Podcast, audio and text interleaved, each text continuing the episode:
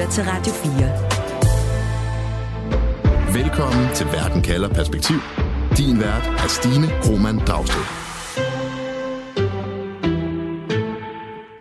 Der blev krammet og kysset og jublet, da flere hundrede palæstinenser blev løsladt fra israelske fængsler under våbenhvilen. Mange af de løsladte var under 18 år. Hvorfor de endt i fængsel i første omgang, og hvad vi ved om forholdene i de israelske fængsler, det handler Verden kalder perspektiv om i dag, hvor jeg spørger, hvorfor sidder der børn i israelske fængsler? Jeg hedder Stine Krohmann Dragsted. Velkommen til Verden kalder perspektiv, hvor jeg stiller et spørgsmål, der giver dig perspektiv på verden omkring os, og på under 30 minutter giver dig et svar. Og husk at følge Verden kalder i din podcast-app. Du lytter til Radio 4.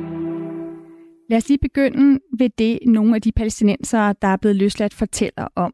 18-årige Mohammed Nassal, som var en af de første til at blive udvekslet til gengæld for israelske gisler, som Hamas holdt fanget, han fortæller til BBC, at han blev banket i fængslet, inden han blev løsladt. Og BBC har vist Mohammeds røntgenbilleder til uafhængige eksperter, der mener, at han har fået brud på knoglerne i hans hænder. En kvindelig løsladt fange siger også, at hun er blevet voldtaget i det israelske fængsel. Lad mig byde velkommen til min første gæst her i det her program, Jens Modvig. Velkommen til. Er du med, Jens? Ja, mange tak overlæge ved Dignity Dansk Institut mod Tortur og også tidligere formand for FN's torturkomité. Jens, de løsladte fanger her fortæller altså britiske BBC, de fortæller os andre medier om nogle af de her forhold, blandt andet brækkede knogler, blandt andet voldtægt. Må man det? Er det tortur? Det kan godt være tortur. Det afhænger af de specifikke omstændigheder, men der er jo ingen tvivl om, at når man brækker en knogle, så er der blevet slået til. Og øh, det handler også om, hvorfor, hvorfor det sker, hvad er omstændighederne, før man vil sige, at det er tortur. Men hvis ikke det er tortur, så er det måske statslig mishandling, som også er forbudt. Altså Israel siger jo så til britiske BBC, at alle fanger er blevet tilbageholdt i henhold til loven. De har afvist blandt andet den her specifikke eksempel med den 18-årige Mohammed Nassals knogler, at de skulle være brækket. De siger, at han blev tilset af en læge, inden han blev løsladt. Jens, hvad ved vi om, hvorvidt de her overgreb øh, om tortur af palæstinensiske fanger, som vi hører om nu, faktisk er sket i fængslerne? Vi ved jo igennem mange, mange år, at der har været store problemer med den måde, som specielt palæstinenserne er blevet behandlet på i israelsk frihedsbrødelse, i israelske fængsler. I torturkomiteen i FN, der øh, eksaminerede man Israel i 2016 og var dengang dybt bekymret over, at der havde været over 1400 klager over øh, den måde, Sikkerhedstjenesten Shin Bet behandlede folk på og i, i løbet af de sidste 20 år, og der var ikke en eneste domfældelse, der kom ud af det. Man var bekymret over den måde, man bruger det, der hedder administrativ frihedsberøvelse på, altså at man ikke er anklaget for noget, men man bliver tilbageholdt uden ret til en retssag på mistanke om, at man vil begå noget, der er ulovligt. Man var bekymret over, at der var manglende retssikkerhedsgarantier, altså for eksempel ret til advokat, hvis man er mistænkt for en sikkerhedsmæssig forbrydelse. Og de her administrative øh, frihedsberøvelser, de er nu steget fra de 700, der var tale om, da FN's torturkomité så på Israel sidst, indtil øh, over 2.000 nu. Og det betyder jo, at folk øh, sidder på et meget, meget usikkert øh, retsgrundlag og kan sidde mindst seks måneder med mulighed for forlængelse. Og mange af dem, der var på den liste over frigivende her, var jo netop ikke blevet anklaget for noget som helst. Lad mig også byde velkommen til min anden gæst i dag, Sara Brandt, politisk chefrådgiver i Mellemfolkelig Samvirke med fokus netop på politisk arbejde med Palæstina. Velkommen til, Sara. Tak. Så under den her syv dage lange våbenhvile mellem øh, Israel og Hamas, der løslod Israel 240 palæstinenser fra fængsler, og ifølge avisen New York Times, der var 107 af dem under 18 år gamle.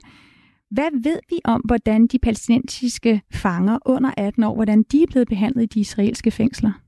Vi ved, at der er mange børn, som er blevet arresteret over årene, og øh, tidligere på året kom Red Barnet med en rapport, hvor at de gav tal på mellem 500 til 1100 børn, som der årligt blev frihedsberøvet.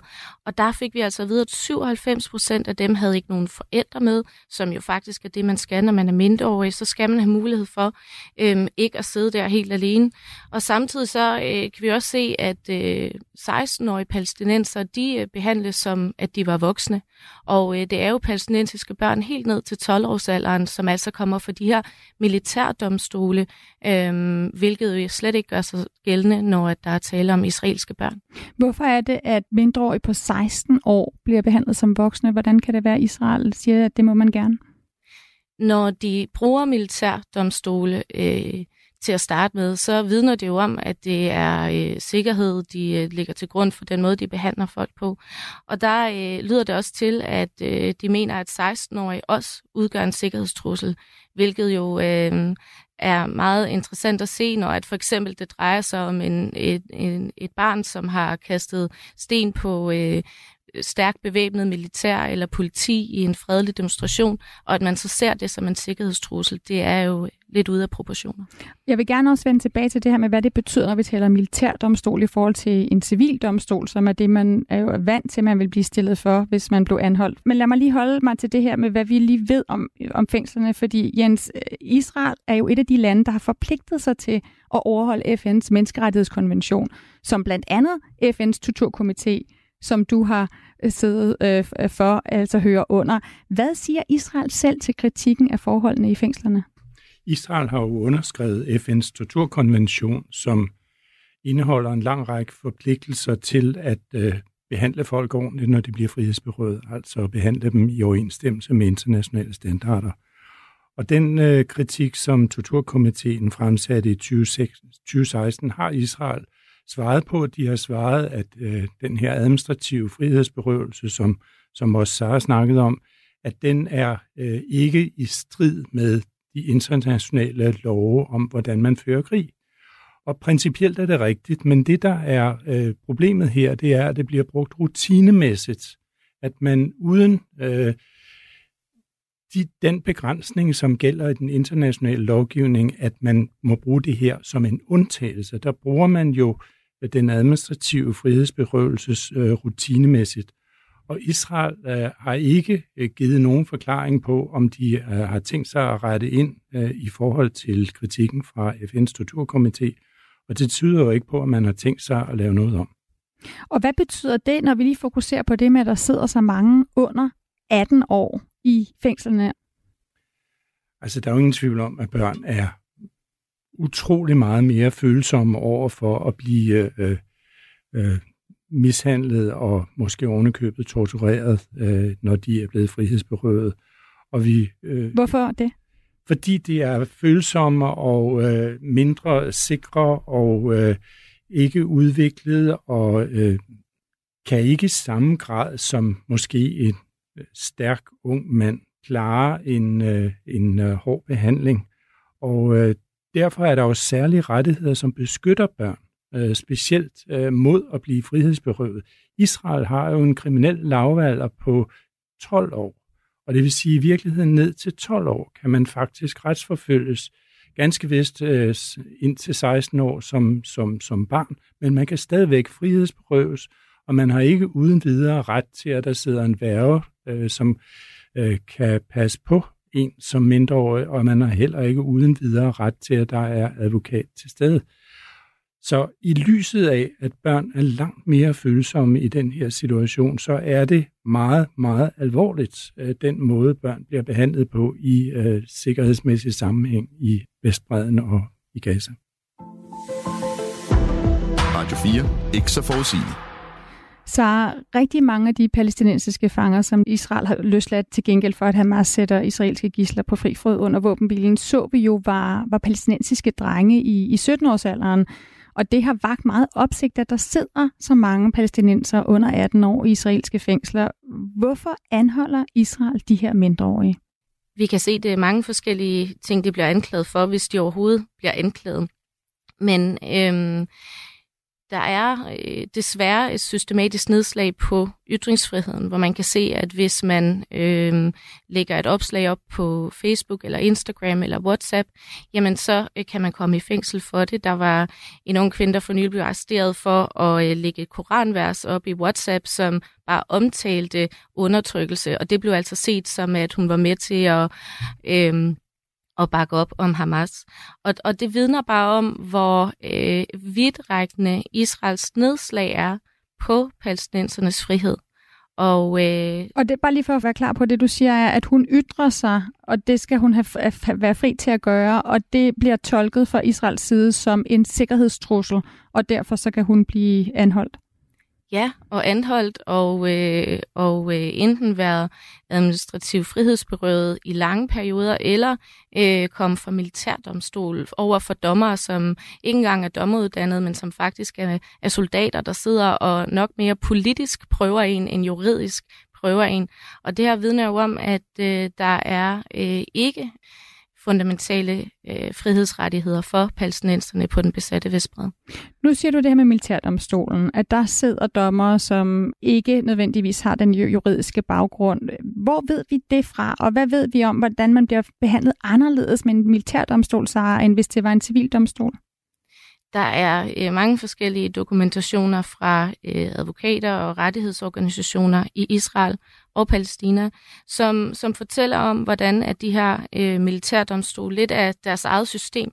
Altså hvis man for eksempel som øh, israeler øh, laver en trafikforseelse, så kommer man for en civil domstol, og hvis man som palæstinenser laver en trafikforseelse, så kommer man i en militærdomstol. Og det er jo øh, meget vidtrækkende, fordi når man kommer for en militærdomstol, så bliver man automatisk stemplet som en sikkerhedstrussel, selvom det, man er kommet ind for, faktisk slet ikke har noget med det at gøre. Og det skaber jo også det, som øh, øh, den israelske menneskerettighedsorganisation B'Tselem, øh, de internationale anerkendte organisationer Human Rights Watch og Amnesty har omtalt som et apartheid-system, fordi der simpelthen er to retssystemer for to forskellige folkeslag det samme sted. Jens, det vil jeg gerne lige dykke lidt mere ned i. Altså, hvis jeg er 17 år og kaster med sten mod militæret på Vestbreden, så er der forskel på, hvordan jeg kan blive straffet, sammenlignet med, hvis jeg er 17 år og kaster med sten mod politiet til en demonstration i Israel. Prøv lige at fortælle, hvorfor der er de der to forskellige systemer. Der hersker jo militær lovgivning for palæstinenser på Vestbreden. Og det betyder, at øh, man kan øh, man har et andet system af, hvad der er ulovligt og hvordan det straffes. Øh, for eksempel vil det stenkast, som vi nu har snakket om her, det vil blive, blive betragtet som en, en terroristhandling. Og derfor kan stenkast på Vestbreden straffes med op til 20 års fængsel. Og som øh, Sarli har sagt, så bliver man som palæstinenser på Vestbreden retsforfulgt i et militært system, et militært retssystem, hvor domfældelsesraten, altså den procent af sager, som medfører, at man bliver dømt skyldig, den er 99. Så det betyder, at der er en alt overvejende sandsynlighed for, at når man bliver retsforfulgt forfulgt i et militært system, så bliver man altså også dømt og fundet skyldig. Så det siger du, der er en, en grund til, at vi når op på den høje procent, at det også handler om netop, hvor lang tid mange af de palæstinensiske fanger sidder inde, altså uden at vide, hvad de egentlig er anklaget for. Hvordan hænger det sammen med, at mange af dem ender med at blive kendt skyldige? Der er mange, der sidder fængslet i lang tid, som vi også hørte fra Jens før, øh, under administrativ frihedsberøvelse, og ofte uden at vide, hvorfor de er der. Og når så endelig der kommer en anklage, og der er en, en rettergang, så er der mange, der vælger og øh, skrive under på, at, øh, at de er skyldige simpelthen for at blive løsladt. Og øh, derfor så, det der foregår rigtig meget i de her militærdomstole, det er simpelthen aftaler med fanger om, at de kan blive løsladt efter en række år, øh, fordi de også efter det, de har været udsat for med tortur og administrativ frihedsberøvelse osv., ikke ser anden udvej end at skrive under. Plus også, at vi ser, at Ofte så øh, bliver de her tilståelser, som jo er skrevet ofte af, af, af israelsk militær, ikke engang oversat til øh, fangernes øh, modersmål.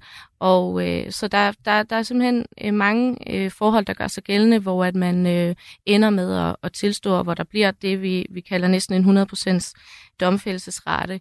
Og det betyder altså, at man ikke har mulighed for at forsvare sig i en retfærdig øh, rettergang. Har de en forsvar, så hvis man er palæstinenser, sidder i et israelsk fængsel, også selvom det er den her militærdomstol og den helt anden militære retsproces, man, er, man ligger under, har man en forsvar? Det kan godt tage rigtig lang tid, før man får adgang til en forsvar. Plus også, vi har øh, set eksempler på, at der lidt har været to forskellige slags afhøringer. En, hvor at øh, advokaten er til stede, og en, hvor at advokaten ikke er til stede, øh, som er langt hårdere og, og dybt problematisk. Øh, så der er altså ikke øh, adgang øh, til øh, forsvar på den måde, som, som der bør være det.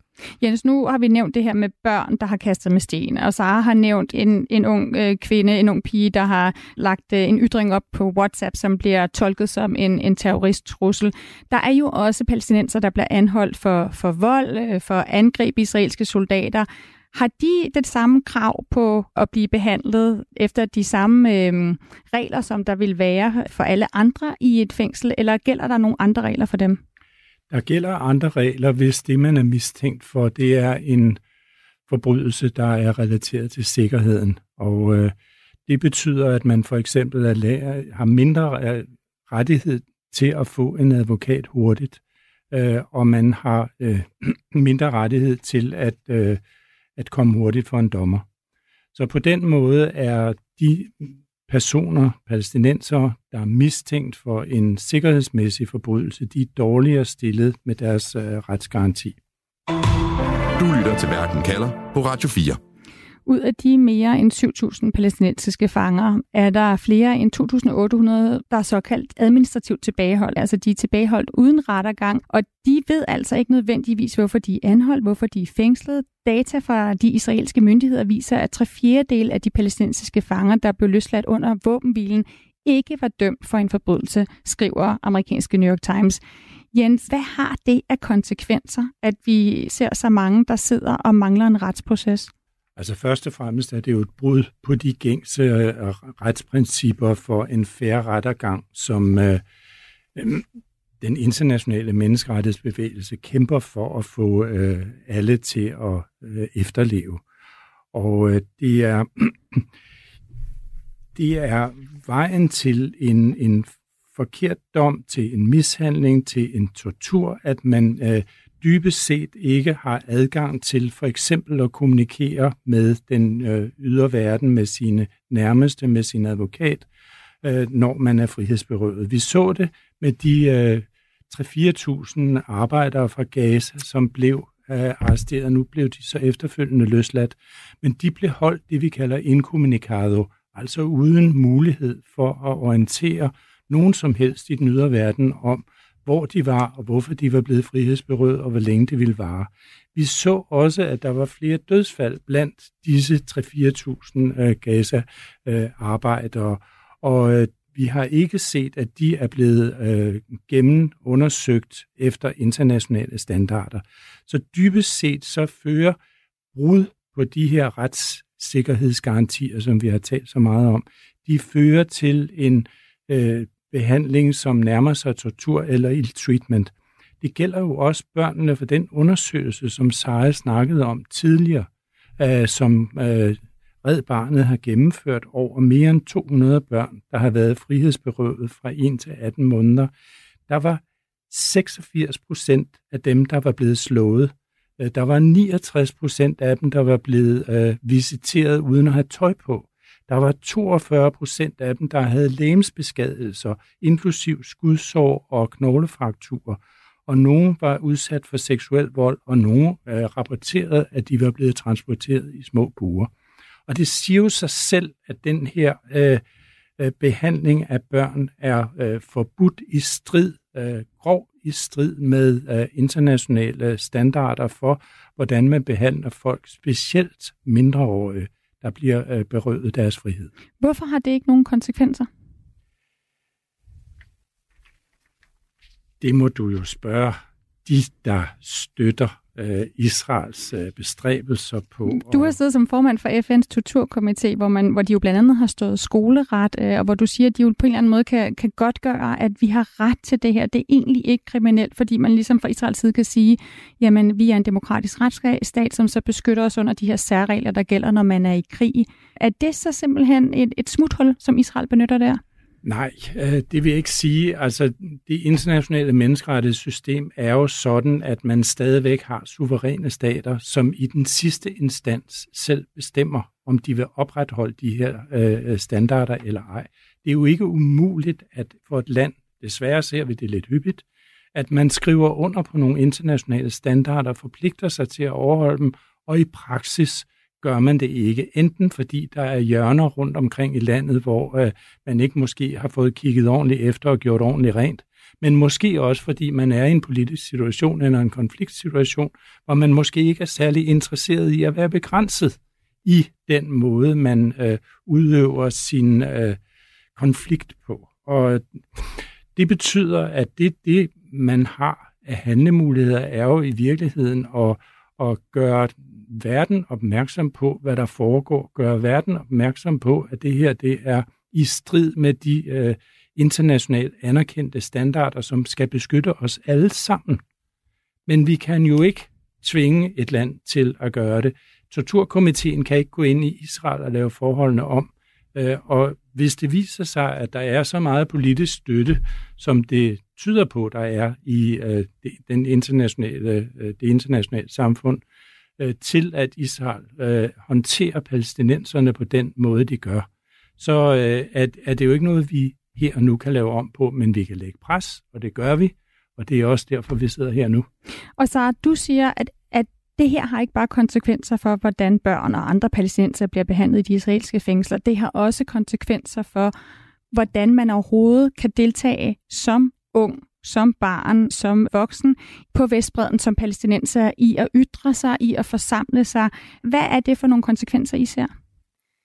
Det, som den her besættelse er med til at gøre, og den måde, som Israel slår ned på palæstinensers rettigheder på, det er jo med til at gøre, at der ikke er nogen mulighed for at opbygge øh, en bæredygtig infrastruktur og en, og, en, og en mulighed for, at man som palæstinenser kan bygge et liv op i fred og i sikkerhed, fordi der hele tiden øh, er usikkerhed. Man er hele tiden i fare for at blive fængslet. Man er i fare for, at øh, ulovlige bosættere angriber ens landsby. Man er i fare for, at man ikke længere kan gå til skole, fordi nu er der en sikkerhedszone, som gør, at man ikke må krydse den øh, bro mere. Der er så mange nedslag på palæstinensers fundamentale rettigheder, og det har foregået i årtier.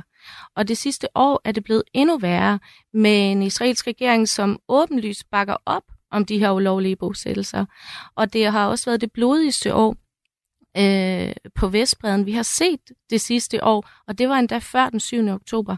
Så der er sket en eskalering, og det er sket samtidig med, at det internationale samfund har set på. Vi har igen og igen hørt advarsler fra FN. Øh, tidligere på året var der også advarsler om, at vi så en, en annektering øh, af Vestbreden i endnu højere grad, end der har været med de ulovlige bosættelser, fordi der også var nogle øh, administrative rettigheder, som civil øh, aktør i den israelske regering tog til sig. Og det er altså nogle skridt, som er meget alvorlige, og derfor er det vigtigt, at Danmark reagerer som hvis for eksempel øh, Rusland annekterede Ukraine, at man reagerer og står fast ved international lov, sådan så palæstinensernes, menneske, palæstinensernes menneskerettigheder ikke er mindre værd end andres. Jens, hvorfor har Vestbreden ikke deres, deres eget retssystem, altså med fængsler og domstole? Du mener, hvorfor øh, det er den militære lovgivning, mm. der gælder? Ja, det beslutter Israel jo de facto ved at udøve magten, ved at, øh, at arrestere folk og retsforfølge med det, med det system, de har besluttet. Der er jo også et palæstinensisk retssystem, men det er jo ikke det, israelerne vælger at bruge. Du lytter til Radio 4.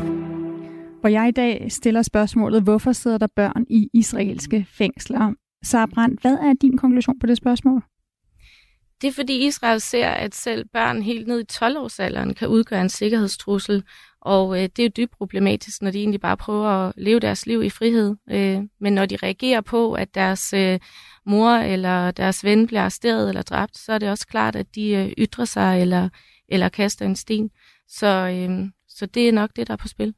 Jens Modvig, hvorfor sidder der børn i israelske fængsler?